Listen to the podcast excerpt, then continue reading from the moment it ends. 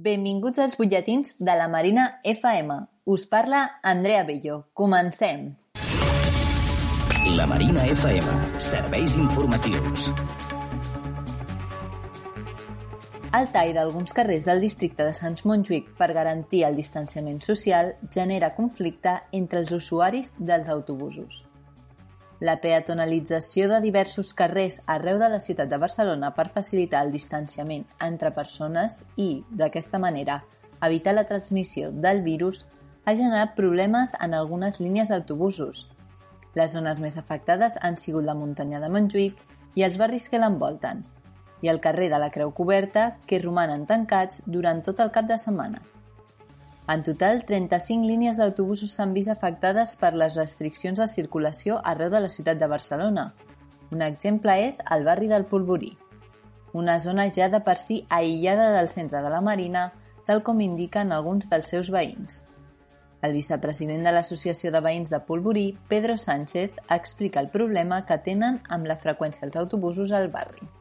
Aquí tienes que estar 35 o 40 minutos de paso de autobús a autobús. Pierdes uno y ya te tienes que ir para abajo. ¿Por qué? ¿Por qué van tan todos vacíos? Porque la gente cuando lo pierde pues ya no se espera. Que siempre que cae algo en Montjuic y nos cortan a nosotros el, el, bus. No de ahora, de siempre, ¿eh? Habría que, que, reducir el espacio de tiempo de paso. No esperar eh, 35 minutos de, de un bus a otro. Alguns veïns i veïnes es queixen de les restriccions en transport públic ja que es troben allunyats del metro, els ferrocarrils i del centre de Madrina. Pedro Sánchez afegeix que el millor seria modificar el recorregut de la línia 23 i afegir una parada al Polvorí.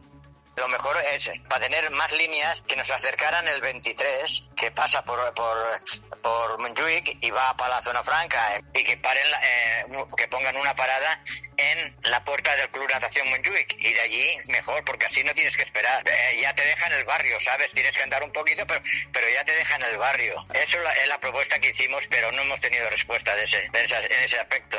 Per solucionar el problema de talls en els recorreguts, TMB ha recuperat aquest cap de setmana els trajectes de les línies 13 i 150, que donen servei a la muntanya de Montjuïc i als barris que l'envolten. Aquestes dues línies hauran de conviure amb el pas dels vianants pels carrers de Montjuïc i ho farà a una velocitat màxima de 20 km per hora.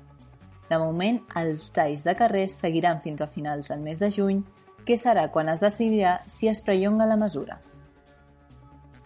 Amb la desescalada, cada vegada són més els serveis que tornen a estar disponibles de manera presencial. És el cas del punt de defensa dels drets laborals de Sants Montjuïc. Ens informa més sobre aquest tema el nostre company Àlex Flores. A partir del 18 de juny i cada dijous, l'equip d'advocades laboristes atendran de manera presencial tots els dubtes relacionats amb l'àmbit laboral d'aquelles persones que ho necessitin, siguin contractadors o contractats. Per assistir-hi, cal demanar cita prèvia al 953 31 75 i és un servei totalment gratuït. L'atenció es farà de 9 del matí a 3 de la tarda a la Casa del Mig al Parc de l'Espanya Industrial. La resta de dies de la setmana l'atenció serà via telefònica, com ho ha estat durant la crisi sanitària on s'ha atès a més de 2.000 persones. Amb aquestes xifres s'ha doblat el nombre d'atencions respecte a l'any 2019. La majoria de consultes van estar centrades en un primer moment en la gestió dels CERTES i la interpretació dels decrets llei i ara es centren sobretot en la reincorporació a la feina presencial i la conciliació familiar. També, entre els serveis que es tornen a posar en marxa, es troba la recollida de mobles i trastos vells. Tornarà als seus horaris anteriors. Si vols saber quan pots baixar els teus mobles, ho pots consultar a la web de l'Ajuntament.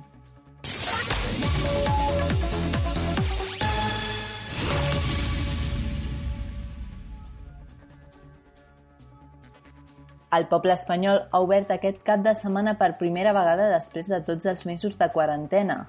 Per fer-ho, han ofert una entrada amb el preu rebaixat a 6 euros i tallers i música en directe. Des dels comerciants veuen amb positivitat aquesta possibilitat de poder obrir finalment, fet pel qual s'han esforçat molt. Ens ho explica la Montse Casas, membre dels comerciants del poble espanyol. La verdad es que el pueblo español estaba radiante eh, porque las tiendas, los talleres, los restaurantes, hemos hecho todo el esfuerzo para tenerlo todo lo mejor posible. Eh, la, estaba con conciertos de música, varios grupos tocando en directo en diferentes plazas del pueblo español. Ha sido súper bonito. Per altra banda, però, l'obertura no ha estat completa. Aproximadament 9 dels tallers i botigues artesanes no han tornat a obrir les seves portes per motius econòmics. Això, juntament a que per ser el primer cap de setmana no va assistir massa gent, ha deixat un sentiment agradolç segons la Montse. Muchas de las tiendas y tres talleres de artesanos han cerrado, por lo tanto, para nosotros es un poco triste el, esa pérdida de contenido tan, tan importante y luego por la falta de público. Ha venido gente que han disfrutado, que se lo han pasado bien y los que han venido muy bien, pero hemos tenido muy poco público. Aún así, eh, merece la pena venir porque es un ambiente tranquilo, con música, con, con cosas preciosas para ver y esperemos que el, el fin de semana que viene sea muchísimo mejor. Ara esperen que a poc a poc s'hi vagi sumant més gent i tornar a omplir de vida al poble espanyol. Això sí, sempre amb seguretat. La Biblioteca Francesc Candel reobre amb servei de demanda de material.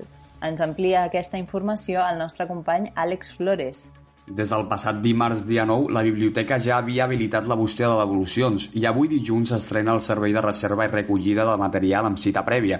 Això significa que, tot i que l'espai encara no estarà obert, podreu demanar aquells llibres que heu estat esperant per llegir durant tot el confinament. Per fer-ho, heu d'omplir el formulari web que trobareu a la pàgina de biblioteques de l'Ajuntament de Barcelona i un cop tingueu seleccionada la biblioteca, podreu escollir entre tot el catàleg el que més us interessi i la mateixa web us donarà un dia i hora per passar-ho a buscar segons les vostres preferències. Si teniu en préstec algun llibre de la biblioteca des d'abans del confinament, totes les devolucions han estat aplaçades fins al 31 de juliol, però recordeu que ja les podeu tornar a la bústia. I avui dilluns també ha estat el primer dia d'obertura dels centres cívics La Cadena i Casa del Rellotge. I també han obert les inscripcions als seus tallers i activitats. Així que si voleu participar, estigueu atents a les xarxes.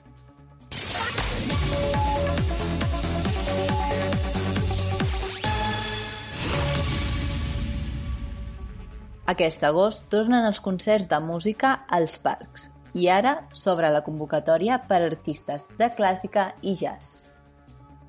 Un any més, encara que amb cert retard, a causa del coronavirus, torna la iniciativa de música als parcs i estan buscant i estan buscant a nous intèrprets per aquesta temporada.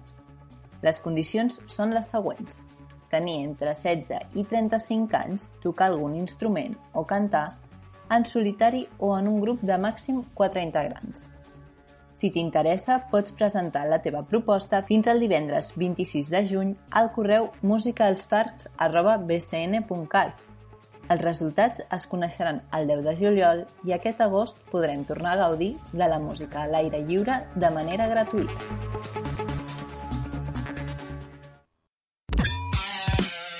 Els esports. El Museu Olímpic i de l'Esport Joan Antoni Samaranys torna amb moltes ofertes. Una de les instal·lacions més visitades de la muntanya de Montjuïc, el Museu Olímpic i de l'Esport, és obert des del darrer dimarts 9 de juny.